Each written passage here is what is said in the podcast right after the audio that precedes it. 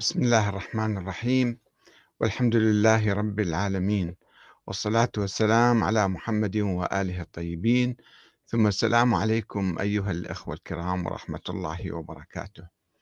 التيار الصرخي يحاول الجمع بين الإمامة والخلافة ويكتفي بالولاء لأهل البيت دون التبري من أعدائهم بين قوسين. آه، في الحقيقة آه، هذه عملية مهمة جدا يحاول التيار الصدري أن يقوم بها في هذه المرحلة. آه، المشكلة أنه آه، يعني الولاء لأهل البيت أو أهل البيت عموما وبالذات الإمام أمير المؤمنين علي بن أبي طالب عليه السلام بايع الخلفاء الثلاثة الراشدين الأوائل وكان يعيش معهم بود ووئام وحتى زوج آه، ابنته أم كلثوم للخليفة الثاني عمر بن الخطاب رضي الله عنه. وكما آه، قلت سابقا بأن آه، حكومة عمر بن الخطاب كانت حكومة شيعية. معظم القيادات و وهذا موضوع مفصل أي واحد يحب يراجع إلى هذا العنوان.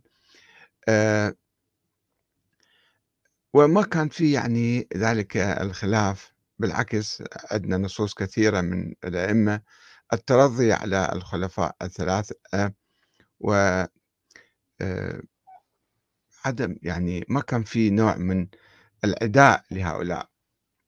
ولكن آه، بعض الغلاة والمتطرفين الذين جاءوا في القرون اللاحقة وقالوا بأن هناك نص على الإمام أمير المؤمنين وعلى بقية الأئمة طبعا وأن آه، الصحابة اغتصبوا الخلافة من الإمام علي آه، وبالتالي صاروا يتخذون مواقف سلبية. وطبعا صاروا يحبكون قصص وأساطير حول إجبار الإمام علي على البيعة أو اقتحام بيته وكسر ضلع الزهراء وما شابه تعرفون هالقصص هذه.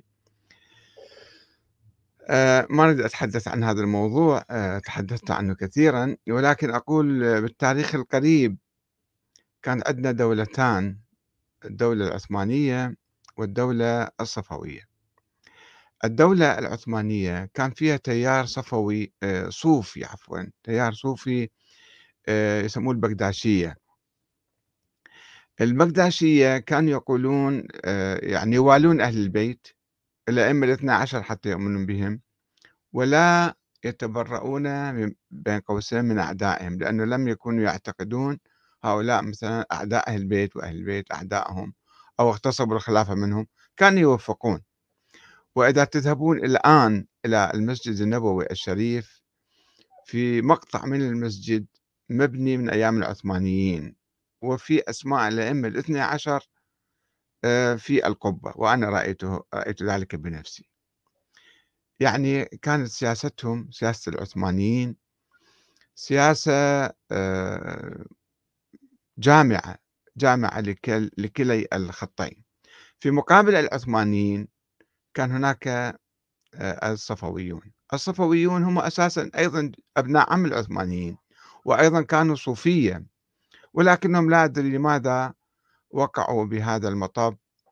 فما اكتفوا بالولاية لأهل البيت وإنما طرحوا مسألة التبري من من أعدائهم بين قوسين وكان شعارهم اللعن والسب والشتم للخلفاء. وهذا طبعا ترك آثار سلبية جدا في التاريخ الشيعي وفي العلاقة بين السنة والشيعة في قبل 500 سنة. وصدرت فتاوى تكفير للشيعة بناء على ذلك من كثير من علماء السنة أن ذول الشيعة يسبون الصحابة فإذا كفار ذولا وحتى عندما حاول الملك نادر شاه اجى في منتصف القرن الثامن عشر بعد سقوط الدولة الصفوية وحاول ترميم العلاقة بين السنة والشيعة عقد مؤتمرا في النجف في سنة 1000 747 كما أتذكر الآن الحوالي يعني عقد مؤتمرا بالنجف وجمع وكان هذا إمبراطور يعني كان يحكم الهند وكان القفقاز والخليج والعراق وكان ملك يعني واسع. فحاول وفي مملكته كما هو كان يقول في مختلف المذاهب فلماذا تتصارع وتتقاتل ويكفر بعضها بعضا؟ فعقد مؤتمرا بالنجف من علماء السنة والشيعة. أن تعالوا حلوا هاي العقدة لا تكفرون لا تسبون الصحابة بعد. واتفقوا على ذلك في مقابل أن يعترف السنة بالمذهب الإمامي مذهبا خامسا إلى جنب المذاهب الأربعة. ولكن محاولته فشلت اغتيل هذا الملك بعد ذلك. وتقريبا يعني مو بذيك الصورة الصفوية استمر هذا النهج. يعني وحتى الآن نشاهد يعني بعض المتطرفين من يفهمون التشيع هو سب الصحابة مثلا وهؤلاء اغتصبوا الخلافة وقصة الزهراء دائما يكرروها ويثيروها بهالقصة المضخمة والمفتعلة. الآن في الحقيقة السنة والشيعة تجاوزوا ذلك التاريخ ذلك الجدل السياسي الذي كان قائما قبل 1400 سنة حول من هو أحق بالخلافة. لا الصحابة موجودون ولا أهل البيت موجودون. فإذا لماذا نختلف حولهم؟ هؤلاء بعض الشيعة يعني يعتقدون بأن آه هذه عقيدة صار جزء من الدين ومن ليس له ولاية أعماله كلها باطلة. فيقولون إحنا نوالي أهل البيت وما يكتفي ما يكفي أن نوالي أهل البيت إنما يجب أن نتبرأ من أعدائهم. هذه الشبهة اللي حاصلة عندهم أو المشكلة. فالتيار الصدري في الحقيقة ولد من رحم التيار الصدري عموما والتيار الشيعي المعاصر بصورة عامة بالحقيقة هو تيار قائم على في النجف أو في قوم أو في مختلف المناطق قائم على هذه الثقافة الثقافة الإمامية المتطرفة.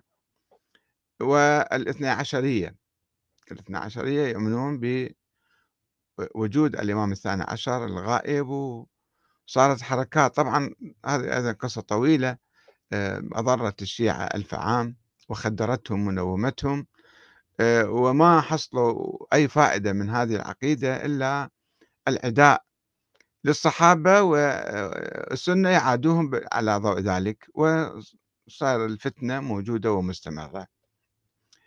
آه، التيار الصرخي هو جزء من التيار الصدري يعني السيد محمد محمد صادق الصدر عندما ظهر أو يعني قام في التسعينات وأسس لمرجعيته وبث هاي الأفكار وركز على فكرة الإمام المهدي.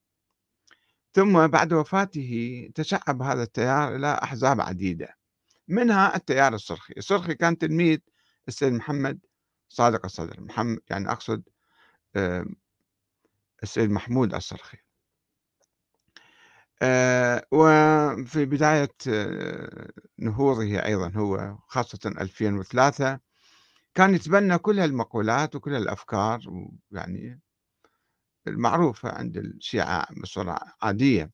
ولكن كما يقولون يعني آه، بعد ما حدوث الأزمة الأخيرة حول مسألة البناء على القبور أنا راجعت عدد من المواقع اللي تابعة للسيد الصرخي ولتلامذته ولأصدقائه وأنصاره والشباب الموجودين في هذا الخط.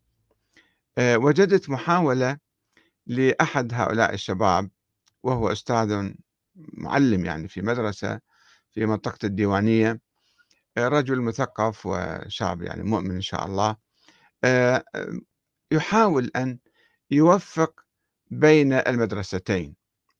بين مدرسة الخلافة ومدرسة الإمامة كما قال السيد مرتضى العسكري في كتابه المدرستين الذي حاول وطرح هذا الموضوع أنه الشيعة يؤمنون بالإمامة الإمام طيب الإمامة موجودة والخلافة أيضا مسألة عادية. كان يقول السيد مرتضى العسكري أن آه، الإمامة ليست بالضرورة تعني الخلافة ففرق بين الكلمتين وبالتالي حاول أن يجمع بينهما بين الإمامة والخلافة.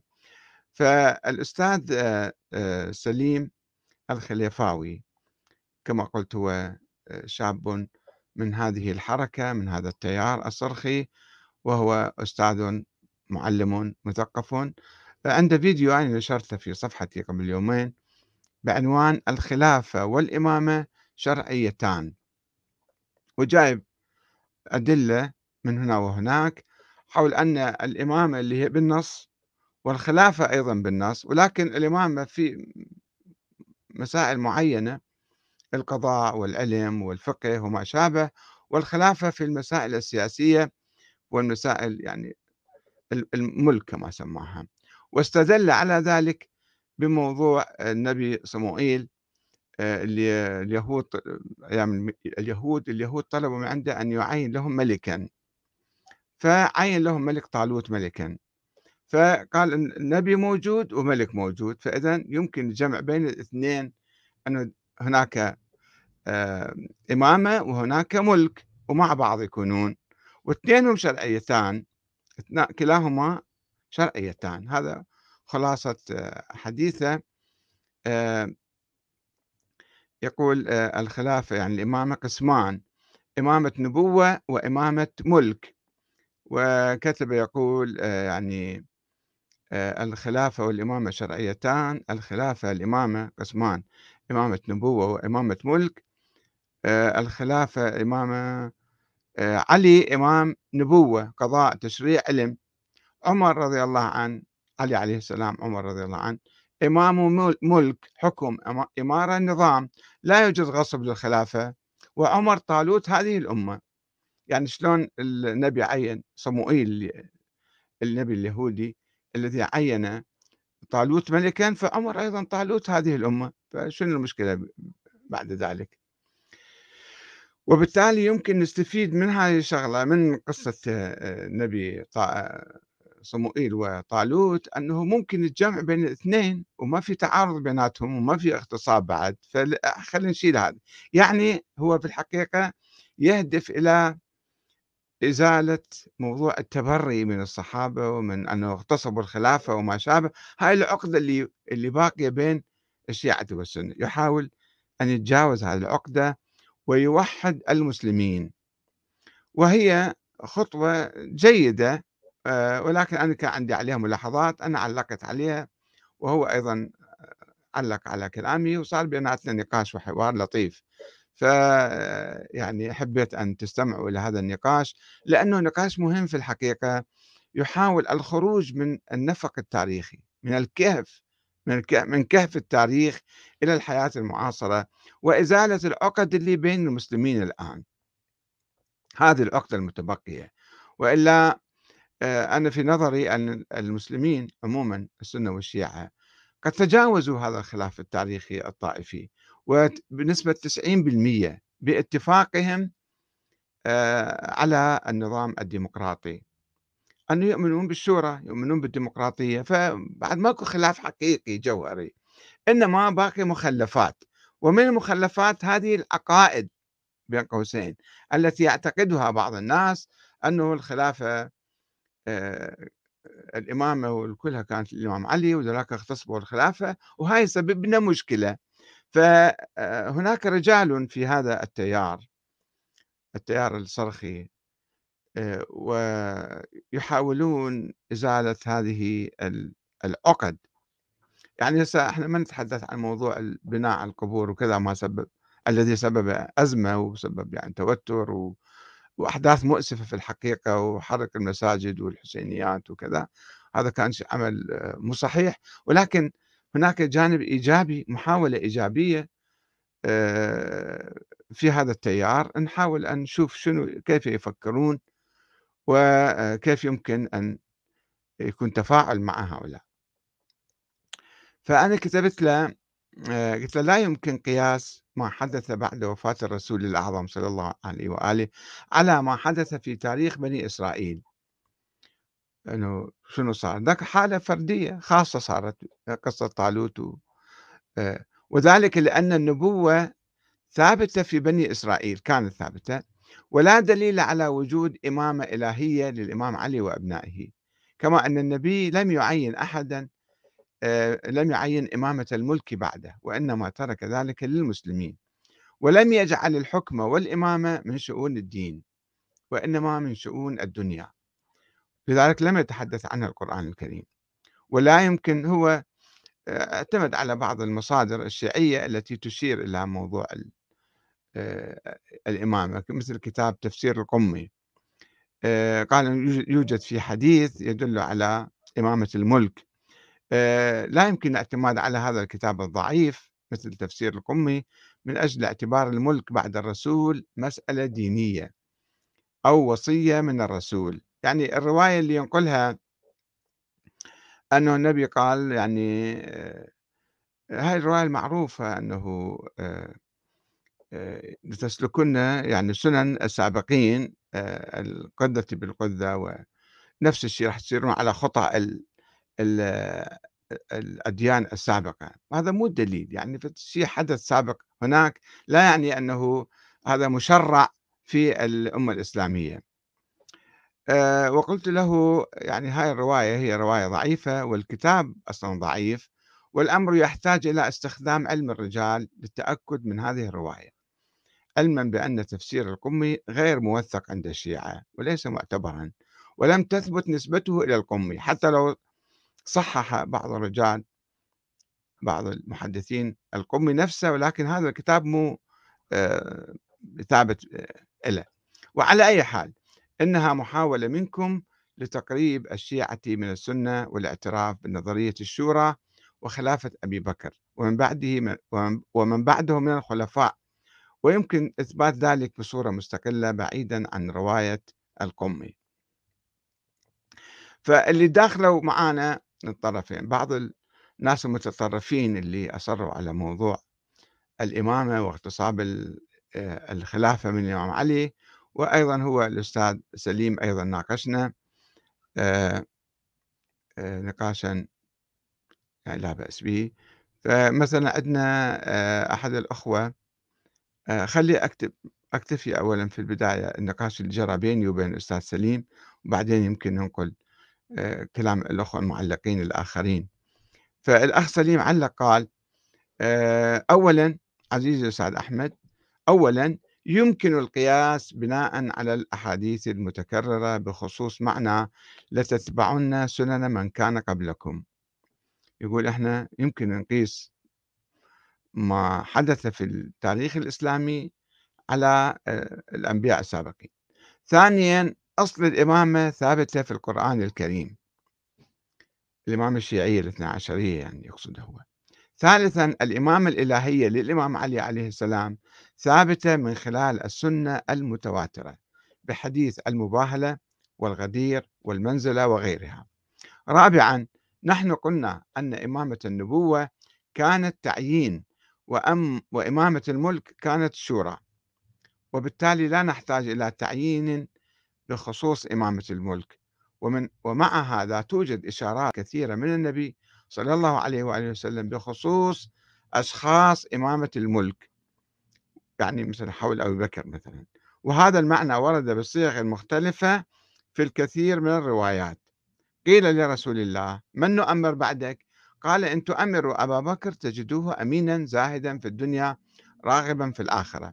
وأن تؤمروا عمر تجدوه قويا أمينا لا يخاف في الله لومة لائم. وإن تؤمروا عليا ولا أراكم فاعلين تجدوه هاديا مهديا يأخذ بكم الطريق المستقيم. خامسا بخصوص رواية القمي كانت فقط للاحتجاج يقول أنا أوردتها يعني للاحتجاج على ما نقدس القمي وتفسيره فعندي من الأدلة ما تكفي على صحة خلافة الخلفاء رضي الله عنهم بعيدا عن القمي. مع العلم أن تفسير القمي ثابت للقمي ورواياته حجة على أغلب الشيعة لأن الخوئي وقبله علماء وثقوه ووثقوا رواته. وهذا الموضوع طرحته في فيديو خاص عنوانه كوارث تفسير القمي تحياتي لك. آه أنا أجبته بما يلي. قلت له أخي العزيز سليم الخلفاوي أن هذه الفكرة التي تحاول فيها التوفيق بين الإمامة والخلافة بتقسيمها إلى إمامة نبوة وخلافة ملك قال بها من قبل السيد مرتضى العسكري في كتابه المدرستين ولم يقل إن الخلافة السياسية من الله وإنما حاول أن يقول إن الإمامة من الله وهي لا تشمل السياسة أو تقبل بالخلافة السياسية والشورى يعني. وأنت تحاول أن تضفي على الخلافة السياسية طابعا دينيا من خلال القياس بها على ما حدث مرة واحدة عند اليهود عندما طلبوا من نبيهم صموئيل أن يعين لهم ملكا طالوت. وهذا غير صحيح لأن القياس باطل. أساسا القياس باطل. وإذا كان النبي قد قال بأن المسلمين سيتبعون سنن من قبلهم فهو لم يشرعن ذلك. قال أنتم راح تتبعون سنن من قبلكم مو اتبعوا. وإنما قاله من باب التحذير والاستنكار واتباع في في المسائل السلبية يعني. وليس الرضا بما سيفعلون كل شيء يسوون مثل اليهود والنصارى يعني يصير صحيح؟ لا طبعا. ولذا أرجو أن تعيد النظر في الأمرين الإمامة والخلافة. أنه تعيد النظر دراسة معمقة في الموضوع من جذره وتعتمد في ذلك على القرآن الكريم الذي لا يتحدث مطلقا عن نظام الحكم أو الدستور بعد النبي الأكرم. ما في كلام عن الحكم ونظام الحكم وليس صحيحا ما قلت بوجود التواتر على الإمامة. يعني هذه آه، مسائل شائعة عند كثير من الناس ولكن إذا رحنا حققنا بالروايات ودققنا لا هي متواترة ولا هي آه، تحمل هالمضامين مضمون يعني الإمامة أو النص حتى حديث الغدير لا يوجد فيه نص صريح الإمامة ولذا أرجو أن أن آه، تعيد النظر آه، كما قلت يعني لا. القرآن لا يتحدث مطلقا عن نظام الحكم أو الدستور بعد النبي الأكرم وليس صحيحا ما قلت بوجود التواتر على الإمامة فإن الأحاديث التي ذكرتها ومنها حديث الغدير لا تدل على النصب والتعيين في الخلافة. وقد بحثت ذلك في عدد من كتبي ومحاضراتي في اليوتيوب ويمكنك مراجعتها. ولو افترضنا أن النبي نص على الإمام علي فهل يوجد نص على الأئمة من بعده حتى تكون نظرية نظرية مستمرة إلى اليوم مثلا؟ وعلى نظرية الإمامة إلى يوم القيامة هل هناك نصوص عليها؟ وأين هذه النظرية في الواقع؟ نظرية الإمامة ما موجودة. ولماذا انقطعت سلسلتها بعد وفاة العسكري؟ الذي لم يتحدث هو أيضا عن وجود ولد له لا في السر ولا في العلن كما لم يتحدث عن مصير الإمامة. وإنما تقوله بوجود إشارات من النبي على إمامة الملك لم يقل به حتى أبو بكر وعمر وعثمان وعامة السنة. يوجد في جماعة من السنة يسموهم البكريون. البكريون كانوا يقولون هناك النص اللي ذكرته أنت ولكن عامة السنة لا يقولون بذلك. آه، يقولون آه، الذين قالوا بأن النبي ترك الأمر آه، دون تحديد. ما تحدث عن الموضوع هذا؟ ويبدو أنك تعتمد على أحاديث ضعيفة بحاجة إلى دراستها بعمق والتأكد منها جيدا حتى تستنتج منها نظرية سياسية جديدة أنه في إمامة وفي شورى خلافة ملك.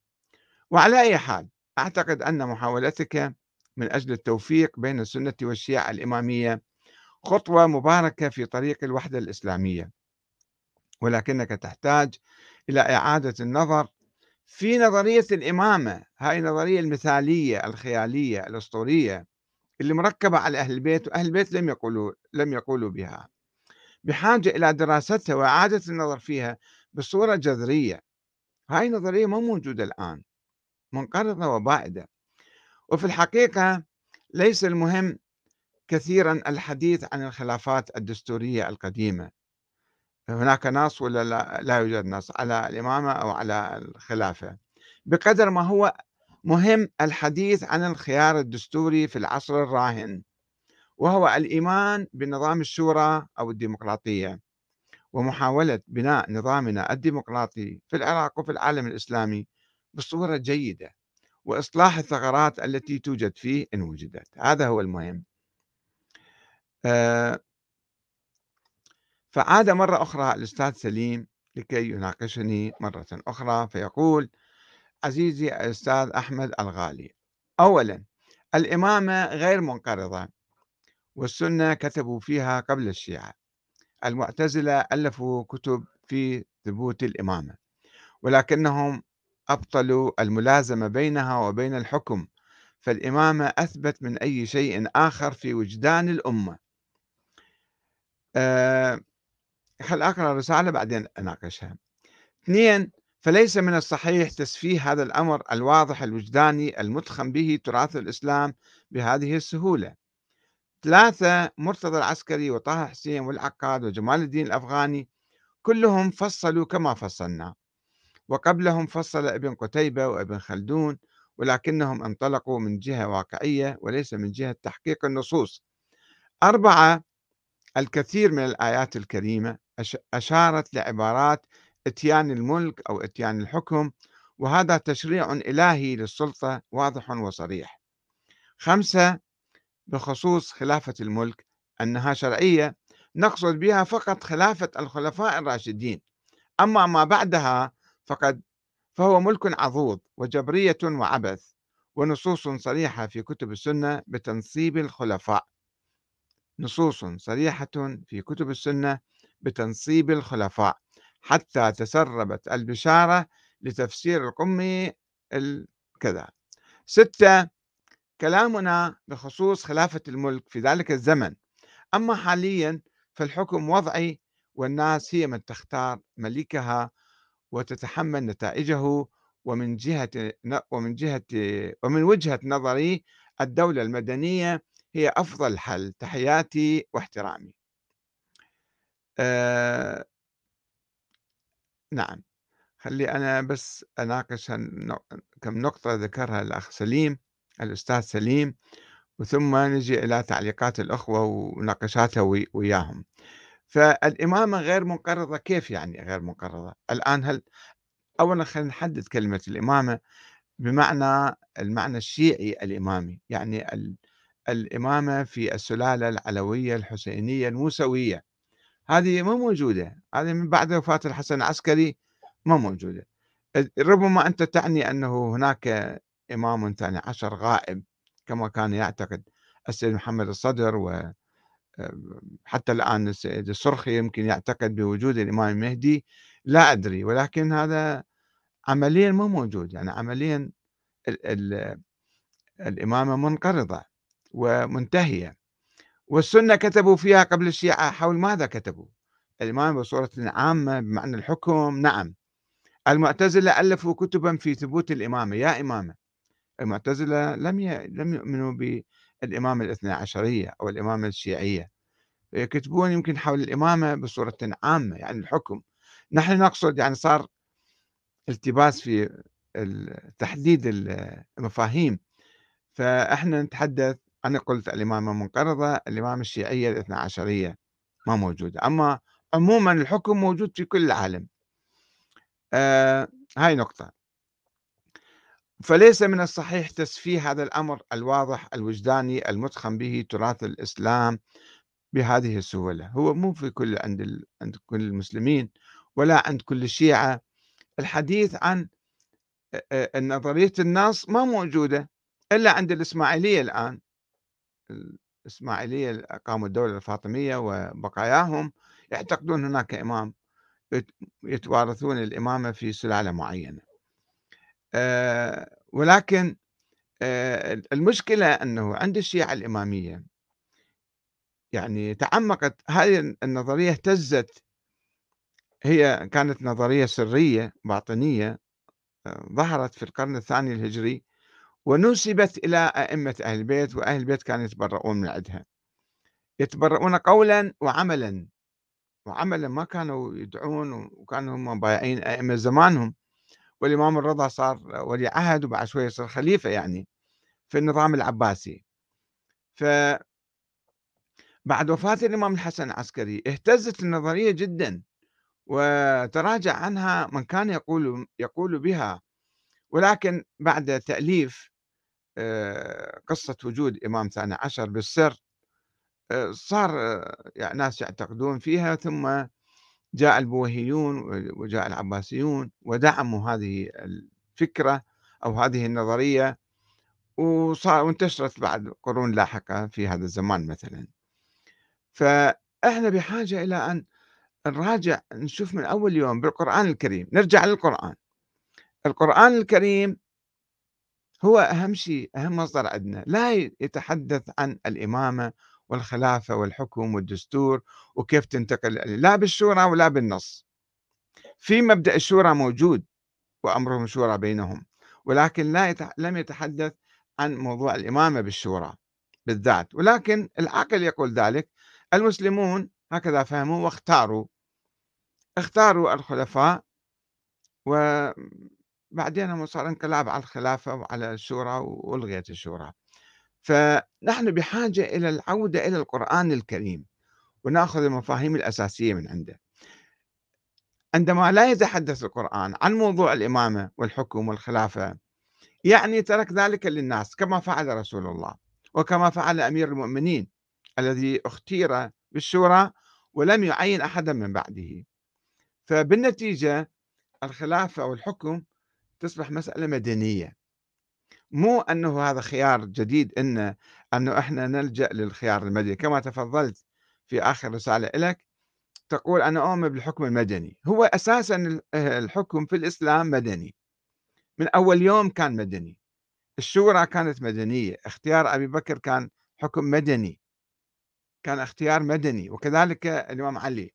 ما كان في آه، اختيار على أساس النصوص. وعلى أساس الدين. لم يدعي أحد آه، من الأئمة العصمة ولم يدعي النص. وهذا حديث طويل. المهم بالنتيجة ما وصلنا إليه اليوم من حكم مدني ديمقراطي على أساس الشورى. هو هذا الحكم المعقول اللي من أول يوم النبي آه، ثبته بتركه التحديد على الخلافة. فصحيح أكو ناس عندهم ثقافات معينة ومؤمنين بها ولكن يجب أن نناقش هذه الأمور وبالذات موضوع وجود الإمام الثاني عشر.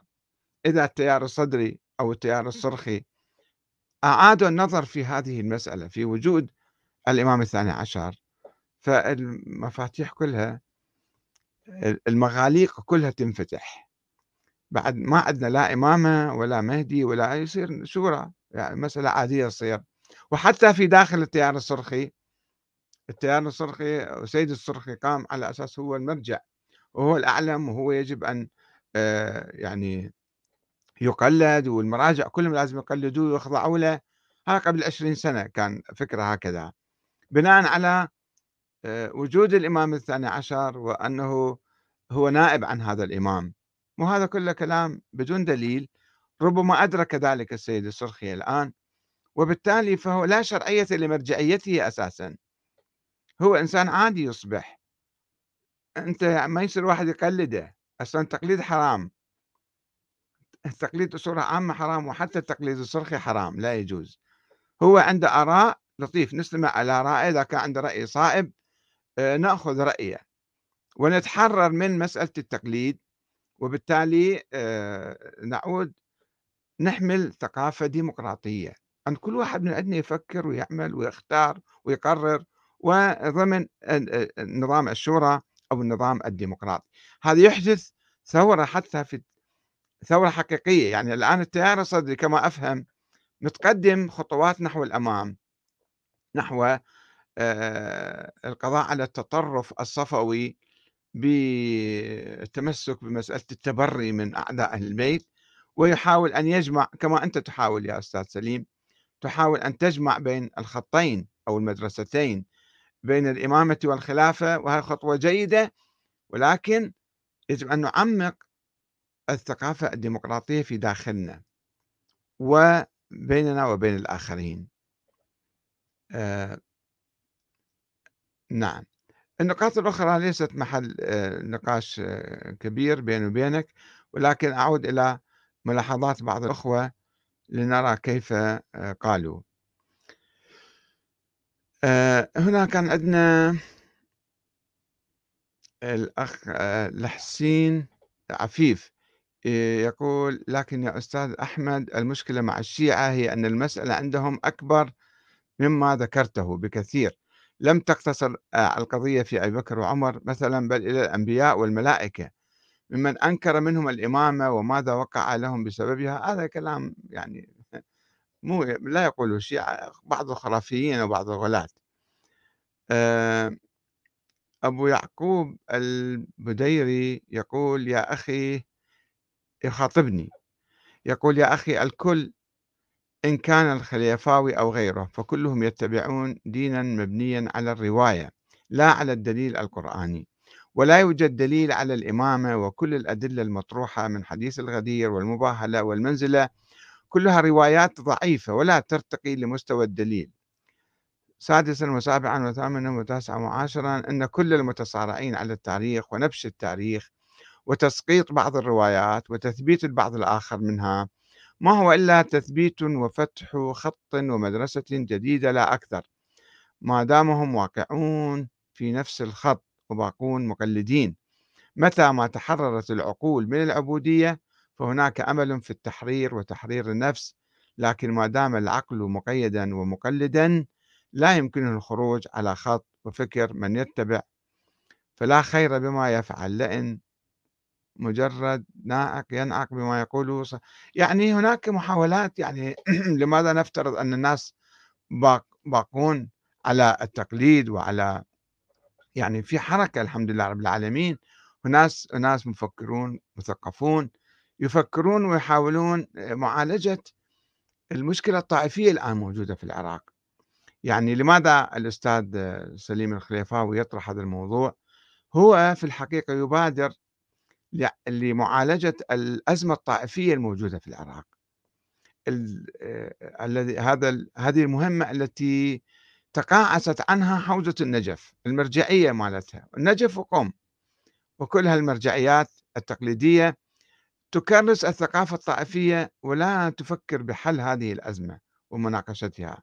فالمثقفون يبادرون ويحاولون حلحلة هذه الأمور ويطرحون هذه الأفكار ولا بد أن تأخذ نصيبها من المناقشة والتفكير الحر. آه الأخ غالب المحاسن الواسطي. يخاطب الأخ سليم يقول له لا توجد إمامة إلهية أو ولاية إلهية أو ولاية تكوينية وكل ما أشرت إليه من أدلة بعيدة آه، بعيدة التأويل وليس عليها إجماع. آه، يرد عليه الأخ سليم يقول نحن لم نتحدث عن ولاية تكوينية بل عن ولاية شرعية ونحن مع الدليل وليس مع الإجماع. لأنه لا قيمة ولا حجة للإجماعات الحالية. طيب آه، أيضا آه، غالب المحاسن الواسطي يقول يرد يقول الدليل يجب أن يكون من كتاب الله من آيات قطعية الدلالة قطعية الثبوت لأن العقائد لا تنفع معها الظنون والتأويلات التعسفية. لأن الدليل إذا تطرق إليه الاحتمال بطل به الاستدلال مع تحياتي. وأيضا يكتب مرة أخرى يقول من أين جئتم بهذا التصنيف؟ إمامة نبوة وإمامة ملك نرجو كتابة المصدر أم اجتهاد فقهي؟ لا هو في الحقيقة نوع من الاجتهاد. آه، آه، يمن موسى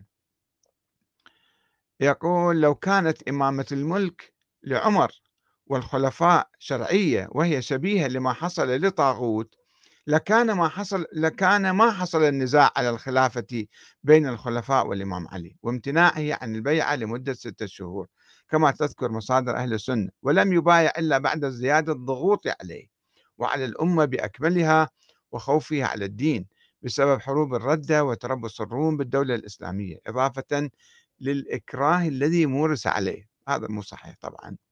يعني هذه تقليد للروايات الأسطورية فالخلافة اغتصبت من الإمام علي عليه السلام بلا أدنى شك ونحن ندفع ثمن ذلك إلى يومنا هذا. يا أخي أنت تدفع ثمن واقعك ثمن الجهل العام والتخلف العام. ما له علاقة بما جرى بالعكس كان شيء إيجابي حدث وانتهى. ويعني الأخ يبدو عليه من هالطرف على يمين الأخ سليم. ومصر على أنه ماكو أصلا خلافة ولا هم يحزنوك بس إمامة فقط. آه، يقول فحتى لو جارينا والعياذ بالله من يقول أن الإمامة ليست إلهية فالقرآن الكريم يدلنا على صفات من يجب أن نتولاه ومنها أن يكون مطهر وغير مشتبه ومأمورين أن نكون مع الصادقين. هذه بعد تأويلات تصير يا أخي العزيز. آه، ومرة أخرى أيضا يكتب ويقول فلا يجوز إعطاء خلافة وإمامة الأمة للصحابة دون آل البيت. فأنت تصلي عليهم في فرائضك. آل البيت غير أهل البيت غير ذرية النبي. أهل البيت يعني أتباع النبي. نصلي على آل محمد يعني أتباع محمد. آه، أيمن الهذلي يخاطب آه، يمن موسى يقول ما علاقة الصلاة عليهم بتقديم غيرهم؟ نحن نصلي على آل محمد يدخل فيهم عندنا زوجات النبي وبني هاشم وكل الأتباع مو فقط هؤلاء. آه الأخ ثائر آه عباسي يقول يعني حديث بيعة الغدير مختلق والنبي آه جعل عليا وليا في يوم الغدير أو لا يعني لماذا جعل ذلك؟ آه يعني حاجة إلى نناقش شوف الإمام علي ماذا فهم من حديث الغدير هو نفس الإمام علي. هل فهم النص عليه من الله كخليفة من بعد النبي؟ وهل هناك نظام خلافة يستمر إلى يوم القيامة؟ نظام إمامة يعني؟ أم لا يوجد هذا؟ السيف الأعظمي يقول وفقتم في بحثكم ووحدنا الله على الحق أينما كان وجنبنا الفتن ما ظهر منها وما بطن. والحمد لله رب العالمين. إن شاء الله. يعني المسلمون يجب أن يتخلصوا من هذا التراث التراث المتراكم عبر القرون وقائم على أساطير وخرافات وأحاديث موضوعة وتأويلات تعسفية للقرآن وتأويلات تعسفية للأحاديث الموضوعة أيضا. آه، ويجب أن نلتفت إلى واقعنا إلى يعني الآن نظامنا السياسي ما هو وكيف نطوره. عندنا مشكلة الآن في هذا النظام القائم آه، في أزمة في انسداد سياسي يجب أن نعيد النظر في الدستور ونعيد النظر في أساس هذا النظام حتى نصلحه ويكون نظاما مرنا جيدا معبرا عن آه، الشعب العراقي بصورة صحيحة. والسلام عليكم ورحمة الله وبركاته.